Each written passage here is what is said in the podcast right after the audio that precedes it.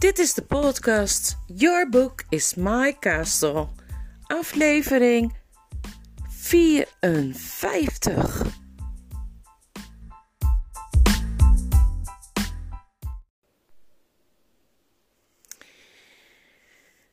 Nou, we gaan gauw verder van hoe het gaat met Shasta en Aravis in Tasba.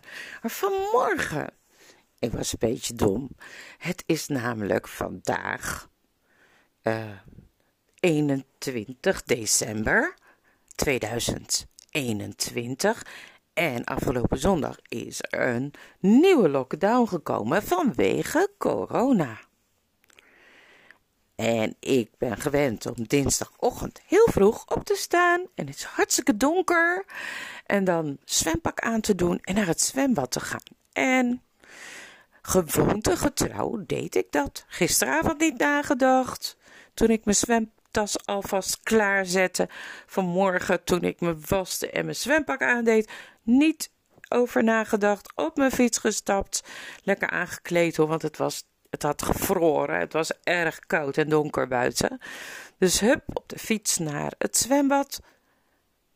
Toen was daar ook alles donker. Ik dacht, hè? En dan zou ik helemaal geen fietsen op de fietsenparkeerplaats. Hoe kan dit? Oh, wacht even. Lockdown. Zo was het ook alweer. Dus toen dacht ik, ik voel nog even aan de deur. Ja hoor, alles was dicht. Er was niets. Ik hoorde wel verkeer om me heen, maar eigenlijk was het soort van heel erg alleen. Anders in het zwembad ontmoet ik allerlei mensen en houd ik wel eens een praatje met de mensen die er ook zwemmen. En nu stapte ik weer op mijn fiets terug naar huis en toen dacht ik, ja, maar dan wil ik wel even eerst bewegen.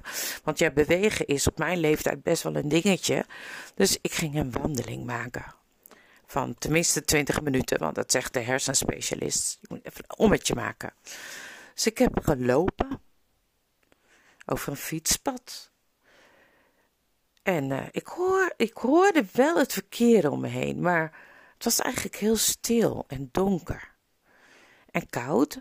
En toen dacht ik, ja, zo moet Shasta zich gevoeld hebben tussen die graftomben het is zo stil en er is niemand en je weet niet hoe het verder gaat. En het was best wel heel spannend, ja.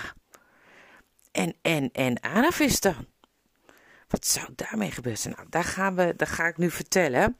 Maar ik kon het een beetje invoelen vanochtend. Toen dacht ik, ja, ja, als je dan onderweg bent en je hebt alles achtergelaten en je weet niet hoe het verder gaat. En je weet niet of het wel goed komt. Hmm, dat is toch wel een naar gevoel. Kijk, ik kon gewoon naar huis lopen. Ja. Maar zij hadden geen thuis meer. En heel veel mensen op deze wereld hebben geen thuis meer. Dan is het thuisgevoel van binnen heel belangrijk. Nou, daar gaat het ook een beetje over. Hè? Maar ja, in die boeken van Narnia, dat thuisgevoel van binnen. Heb je dat of niet? Hmm. Misschien iets over, om over na te denken. Nou, ik doe uh, dit stukje maar geen muziek en noem het deel 1. En dan, uh, dan ga ik zo verder met uh, Arvis. Ja, want we gaan terugkijken. Van, want ja, Shasta is buiten aan het wachten. Buiten de thuisbaan. Maar aardevis, uh, daar gebeurt nog van alles mee.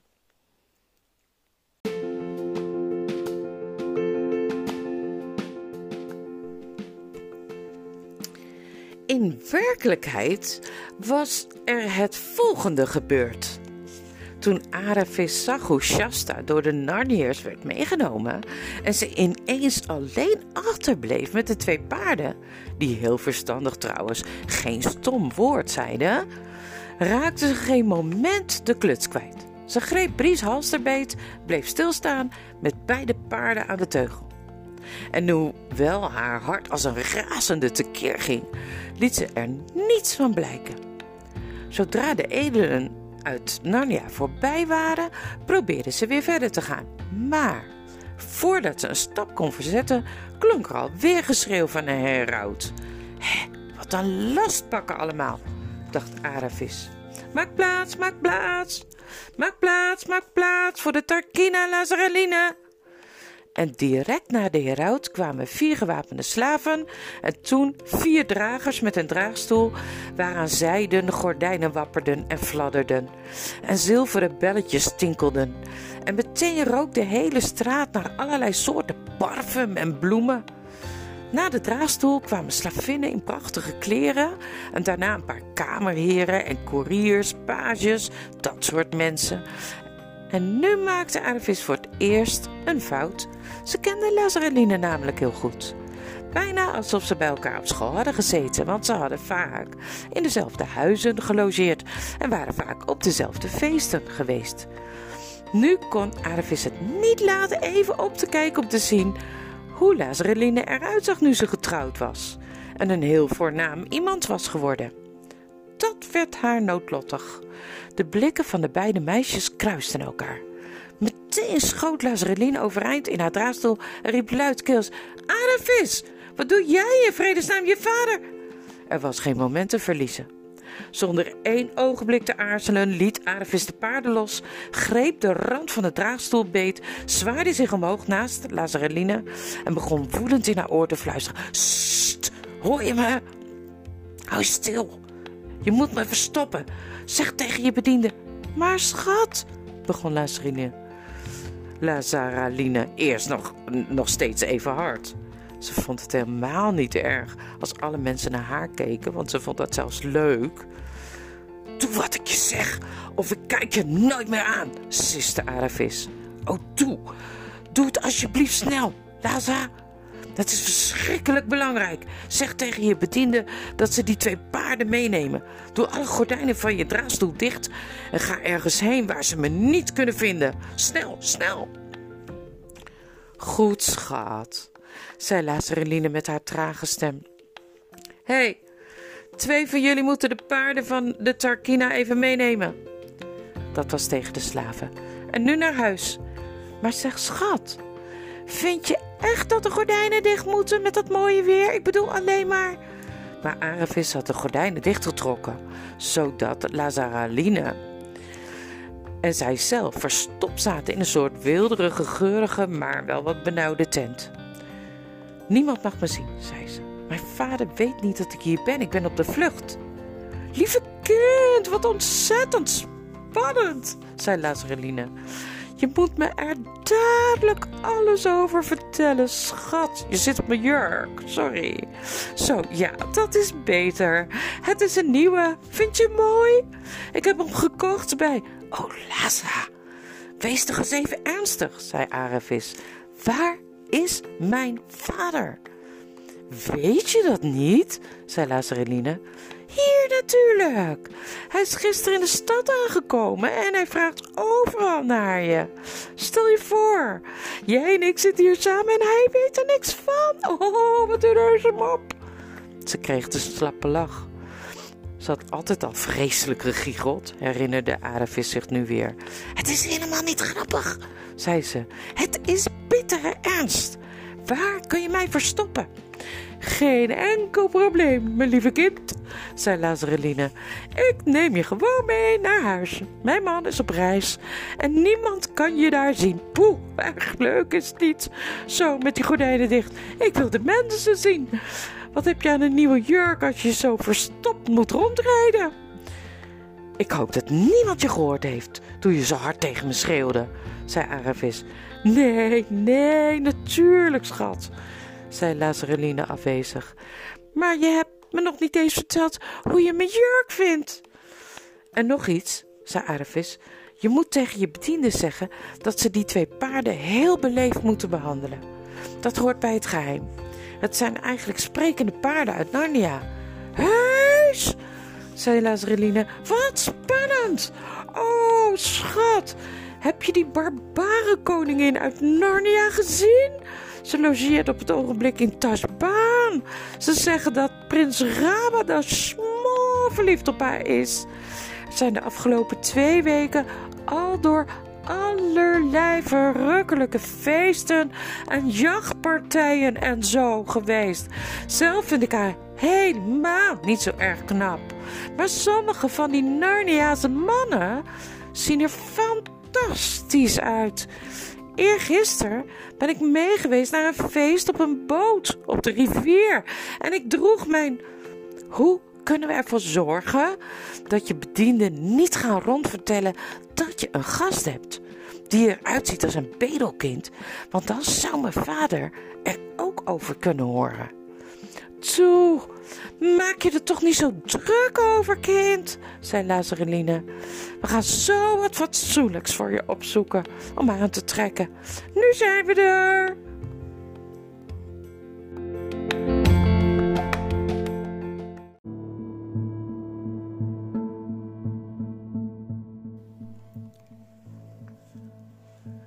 De dragers waren blijven staan en lieten de draagstoel zakken. Toen de gordijnen opengeschoven waren, zag Aravis dat ze in een soort besloten binnentuin waren. Net zo een als die waar Shasta een paar minuten eerder in een ander deel van de stad naartoe was gebracht. Lazaraline wilde meteen doorlopen naar binnen, maar Aravis herinnerde haar er zenuwachtig fluisterend aan dat ze er eerst iets tegen de slaven over moest zeggen dat niemand iets mocht weten van die vreemde bezoeker van hun meesteres. Oh, sorry, schat. Ja, totaal vergeten, zei Lazareline. Hey, jullie allemaal. Jij ook, portier. Er mag vandaag niemand het huis uitgelaten worden. En als ik merk dat er iemand één woord zegt over deze jonge dame, dan zal hij eerst doodgeslagen worden en dan levend verbrand. En daarna gaat hij zes weken op water en brood. Ziezo. Hoewel Lazala Raline had gezegd dat ze dadelijk alles over Aravis avonturen wilde horen, was dat nergens aan te merken. Eigenlijk was ze veel beter in praten dan in luisteren. Ze wilde beslist dat Aravis eerst eens lekker lang en lui in bad ging. Calormeense baden zijn heel beroemd. En daarna wilde ze haar nog de prachtigste kleren aan laten trekken voordat ze haar de kans wilde geven iets uit te leggen. De poeha waarmee ze de jurken uitkoos maakte Aravis bijna gek. Ze herinnerde zich nu weer dat Lazaraline altijd al zo geweest was. Ze interesseerde zich vooral voor kleren en feesten en roddels. Aravis had zich altijd meer geïnteresseerd voor pijlen en bogen, paarden, honden en voor zwemmen. Je begrijpt zeker wel dat ze dat allebei maar raar van elkaar vonden. Maar toen ze tenslotte allebei zaten, na een maaltijd, zo een die hoofdzakelijk uit slagroom en drillpudding en fruit en ijs bestond, in een prachtig vertrek met pilaren rondom, dat Arevis nog mooier had gevonden dan Lazaralines verwende aapje, als dat, dat ze mooier had gevonden als Lazarelines verwende aapje er niet de hele tijd in rond had geklommen, vroeg Lazareline haar tenslotte waarom ze van huis was weggelopen. Toen Aravis haar verhaal verteld had, zei Lazareline: Maar, schat, waarom zou je niet met Tarkaan Arosta trouwen? Iedereen vindt hem geweldig. Mijn man zegt dat hij een van de belangrijkste mannen in Calormen aan het worden is. Hij is net tot grootvizier uitgeroepen. Nu de oude Axarta dood is, wist je dat niet? Het kan me niks schelen. Ik kan hem niet uitstaan, zei Aravis. Maar, schat, denk nou eens na. Drie paleizen en één daarvan is nog wel dat prachtige paleis in Ilkin aan het meer ellenlange parelkettingen, heb ik gehoord. Baden vol ezelinnenmelk. En dan zou je mij lekker vaak kunnen zien. Wat mij betreft mag je ze parels en paleizen houden, zei Aravis. Je bent altijd al een eigenaardig kind geweest, Aravis, zei Lazareline. Wat wil je nou nog meer? Maar tenslotte lukte het Aravis haar toch haar vriendin ervan te overtuigen dat het haar ernst was en zelfs plannen met haar te bespreken. Het zou nu geen enkel probleem meer zijn de twee paarden de Noorderpoort uit te krijgen en ermee naar de graftomben te gaan. Niemand zou een deftig geklede stalknecht tegenhouden of vragen stellen, die een strijdros en een damesrijpaard naar de rivier bracht. En Lazaralina had genoeg stalknechten die ze sturen kon. Hoe ze het met Aravis zelf moesten doen was minder eenvoudig. Ze stelde voor dat ze de stad wel uitgedragen kon worden in de draagstoel, met gordijnen dicht. Maar Lazareline vertelde haar dat draagstoelen alleen binnen de stad werden gebruikt. En als iemand er een door de poort naar buiten zou gaan, zou er vast over gepraat worden. Nadat ze een hele poos hadden zitten praten, het duurde extra lang, omdat Aravis moeite had haar vriendin met haar hoofd bij het gesprek te houden, klopte Lazareline tenslotte in haar handen, klapte Lazareline tenslotte in haar handen en zei: Oh, ik heb een goed idee. Er is één manier om de stad uit te komen zonder de poorten te gebruiken. De tuin van de Tisrok, eeuwig mogen hij leven, loopt helemaal door tot aan de waterkant. En er is nog een klein poortje dat op het water uitkomt. Alleen voor de mensen van het paleis natuurlijk. Maar ja, liefje. En die gielde, giechelde ze een beetje. Eigenlijk zijn we dat toch bijna? Zeg, je hebt geluk gehad dat je bij mij bent gekomen.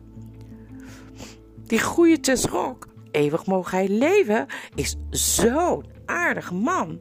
We worden haast elke dag uitgenodigd in het paleis. En het is bijna een tweede thuis voor ons. Ik ben dol op die lieve prinsen en prinsessen. En ik ben gewoon weg van prins Rabadash. Ik kan op elk uur van de dag of nacht gewoon in en uit lopen. En de dames in het paleis opzoeken. Waarom zou ik er niet met jou naar binnen glippen als het donker is en je door het waterpoortje eruit laten? Er liggen daar altijd een paar gondels en zo aangemeerd. En zelfs als ze ons betrappen, dan zou alles verloren zijn, zei Aravis. Oh, schat, wind je toch niet zo op, zei Lazareline. Ik wou zeggen, zelfs als we betrapt werden, zou iedereen alleen maar zeggen dat het weer een van mijn idiote grappen was. Daar begin ik al aardig onbekend te raken. Laatst nog, hè, luister eens, liefje. Het was echt vreselijk grappig. Wat ik bedoelde was dat alles voor mij dan verloren zou zijn, zei Aravis een beetje scherp. Oh, uh, ja, ik snap wat je bedoelt, schat. nou ja, kun jij iets beters bedenken? Nee, dat kon Aravis niet, ze antwoordde. Nee, we zullen het erop moeten wagen. Wanneer kunnen we gaan? Oh, vanavond niet, zei Lazareline. Natuurlijk niet vanavond. Ze houden vanavond een groot feest. Daar moet ik zo mijn haar eens voor laten doen. En dan is het hele paleis een zee van licht. En dan met al die gasten. Dan zou het morgenavond moeten. Dat was slecht nieuws voor Aravis, maar ze moest zich erbij neerleggen. De middag kroop voorbij en het was een opluchting toen Lazareline naar het feestmaal ging. Want Aravis had zo genoeg van dat gegiegel en dat geklets over jurken en feesten, trouwerijen, verlovingen, schandalen. Het, en ze ging vroeg naar bed. Dat was iets waar ze heel erg van genoot. Heerlijk om weer eens tussen lakens en op kussens te slapen. Mmm.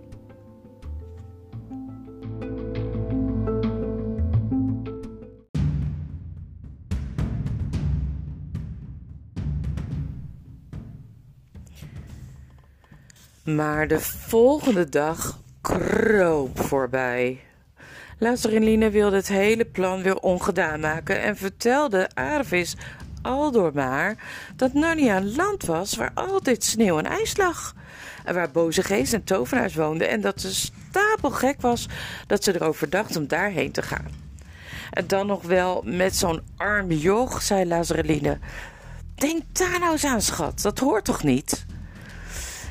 Aravis had daar al heel vaak aan gedacht, maar ze had nu langzamerhand zo genoeg van Lazarelines aanstellerij dat ze voor het eerst begon te geloven dat samen met Shasta op reis gaan veel leuker zou zijn dan het hofleven in Tashbaan. Daarom antwoordde ze: Je vergeet dat ik, als we in Narnia komen, ook maar een onbelangrijk persoon ben.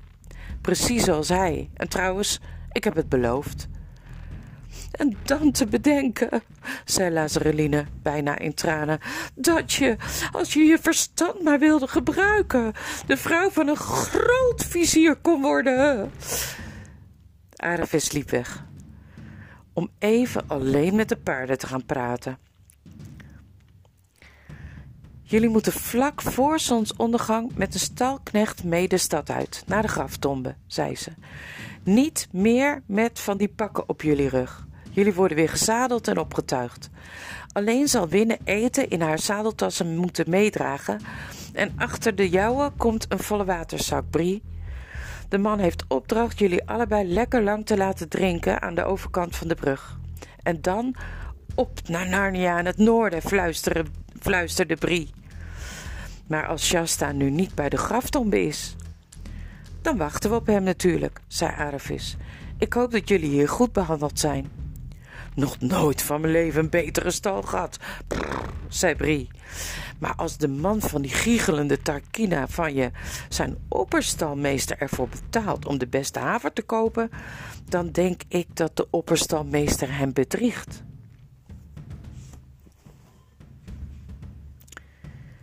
Aravis en Lazareline aten hun avondeten in het vertrek met de pilaren. Een uur of twee later waren ze klaar om op weg te gaan. Aravis was verkleed als een opperslavin in een belangrijk huishouden en droeg een sluier voor haar gezicht. Ze hadden afgesproken dat Lazareline, als er iemand vragen ging stellen, zou doen alsof Aravis een slavin was die, aan een van de prinsessen, die zij aan een van de prinsessen cadeau kwam geven. De meisjes verlieten het huis te voet. In een paar minuten stonden ze al voor de paleispoorten. Daar stonden natuurlijk soldaten op wacht, maar de wachtcommandant kende La Salarine wel. Hij liet zijn man in de houding springen en salueerde. Meteen stonden ze in de zwart marmeren zaal. Daar liepen nogal wat hovelingen, slaven en andere mensen rond, maar daardoor vielen de meisjes juist minder op. Ze liepen door naar de zuilenzaal en daarna door de zaal van de beelden en de zuilengalerij, langs de reusachtige deuren van geslagen koper die naar de troonzaal leidden. Alles was onbeschrijfelijk mooi, voor zover ze het bij het zwakke schijnsel van de lampen kon zien. Nu kwamen ze buiten. In de besloten binnentuin, die met een aantal terrassen omlaag liep. Aan het einde daarvan kwamen ze bij het oude paleis. Het was nu al bijna helemaal donker geworden en nu kwamen ze terecht in een doolhof van gangen. Die alleen hier en daar zwak verlicht werden door fakkels die in houders in de muur stonden. Op een plek waar je moest kiezen of je links of rechtsaf wilde, bleef Lazareline staan. Loop door, toe, loop door, fluisterde Aravis. Haar hart bonste verschrikkelijk. Ze had nog steeds het gevoel dat ze bij elke hoek haar vader tegen het lijf kon lopen. Ik denk even na, zei Lazareline. Ik weet niet helemaal zeker hoe we hier verder moeten. Ik geloof dat het linksaf is. Ja, ik weet het haast zeker linksaf. Lekker spannend, hè? Ze gingen naar links en kwamen in een gangetje dat maar nauwelijks verlicht was en dat al gauw met trapjes omlaag begon te lopen. Het is in orde hoor, zei Lazareline. Zo gaan we goed, ik weet het zeker. De trapjes komen me bekend voor. Deze trapjes komen me bekend voor. Maar op dat moment verscheen er voor en uit een licht dat bewoog. Nog een drie tellen later kwamen er in de verte twee donkere mannengestalten de hoek om, die achteruit liepen en lange kaarsen droegen. En natuurlijk lopen mensen alleen maar achteruit voor iemand van een koningshuis. Aravis voelde hoe Lazareline haar arm beetgreep het soort plotselinge greep dat je bijna knijpen, dat bijna knijpen lijkt. En die betekent dat degene die je beetpakt ontzettend schrikt. Het leek Aravis wat vreemd dat Lazareline bang was voor de Tisrok. Als hij echt zo'n goede vriend van haar was. Maar er was geen tijd om er verder over na te denken. Lazareline trok haar snel mee terug de trappen op naar boven. En ze liepen op hun tenen en ze voelde zenuwachtig langs de muur. Hier, hier zit een deur, fluisterde ze. Gauw. Ze gingen naar binnen, trokken de deur heel zacht achter zich dicht en stonden in het aardedonker. Aardevis kon aan Lazarelines ademhaling wel horen dat ze bang was. Tas bewaren ons, fluisterde Lazareline. We moeten het doen. Wat moeten we doen als hij hier binnenkomt? Kunnen we ons verstoppen? Onder hun voeten voelden ze een zacht tapijt. Op de tas liepen ze verder de kamer in en struikelden tegen een divan aan. Laten we hier achter gaan liggen, jammerde Lazareline zacht. Oh, waren we hier maar nooit gekomen? Er was tussen de rustbank en de met gordijnen gedrapeerde muur net genoeg plaats en de twee meisjes kropen weg. Het lukte Lazareline het beste plekje te krijgen, die lag helemaal verstopt. Van Arevis stak de bovenstel van haar gezicht naast de divan uit, zodat iemand die met een kaars de kamer in kwam en toevallig precies naar het goede punt keek, haar zou zien. Maar ze droeg een sluier, dus wat ze zouden zien, zou op het eerste gezicht niet op een voorhoofd en een paar ogen lijken. Arevis duwde wanhopig tegen Lazareline om haar nog een klein stukje te laten opschuiven. Maar Lazareline, die in haar paniek alleen nog maar aan zichzelf dacht, duwde terug en kneep in haar voeten. Ze hielden ermee op en bleven heel stil liggen, nog een beetje hijgend. Ze vonden hun eigen adem ontzettend veel lawaai maken, maar verder was er niks te horen. Is het veilig? zei Aardevis tenslotte op haar allerzachtste fluistertoon. Ik, ik geloof het wel, begon Lazareline. Maar mijn zenuwen, mijn armen. Toen klonk het verschrikkelijkste geluid dat op dat moment dat ze op dat moment hadden kunnen horen. De deur ging open. Daarna scheen er licht naar binnen. En omdat Aardevis haar hoofd niet verder achter de divan kon krijgen, kon ze alles zien. Eerst kwamen de twee slaven, doofstom, zoals Arevis vermoedde. Daarom werden die gebruikt bij de allergeheimste bijeenkomsten. Ze liepen achteruit en droegen de kaarsen. Ze namen hun plaatsen in, ieder aan een kant van de divan. Dat was mooi, want nu er een slaaf voor haar stond en ze tussen zijn voeten doorkeek, was Arevis veel moeilijker te zien. Daarna kwam er een oude man binnen, een hele dikke, met een eigenaardige spitse muts op waaraan ze direct zag dat dit de tisrok moest zijn. Het allerkleinste van de vele sieraden waarmee hij beladen was, was al meer waard dan de klerende wapens van alle Narniaanse edelen bij elkaar. Maar hij was zo dik en er was zo'n weerwar van franjes, plooien, linten, knopen, kwastjes en amuletten dat Arvis vond dat de Narniaanse mode, voor mannen in elk geval, veel leuker stond. Ze kon er niks aan doen. Achter hem aan kwam een lange jonge man die op zijn hoofd een tulband met juwelen en een pluim droeg en aan zijn zij een gebogen zwaard in een ivoren schede. Hij zag er opgewonden uit en zijn ogen en tanden blikkerden kwaadaardig in het kaarslicht.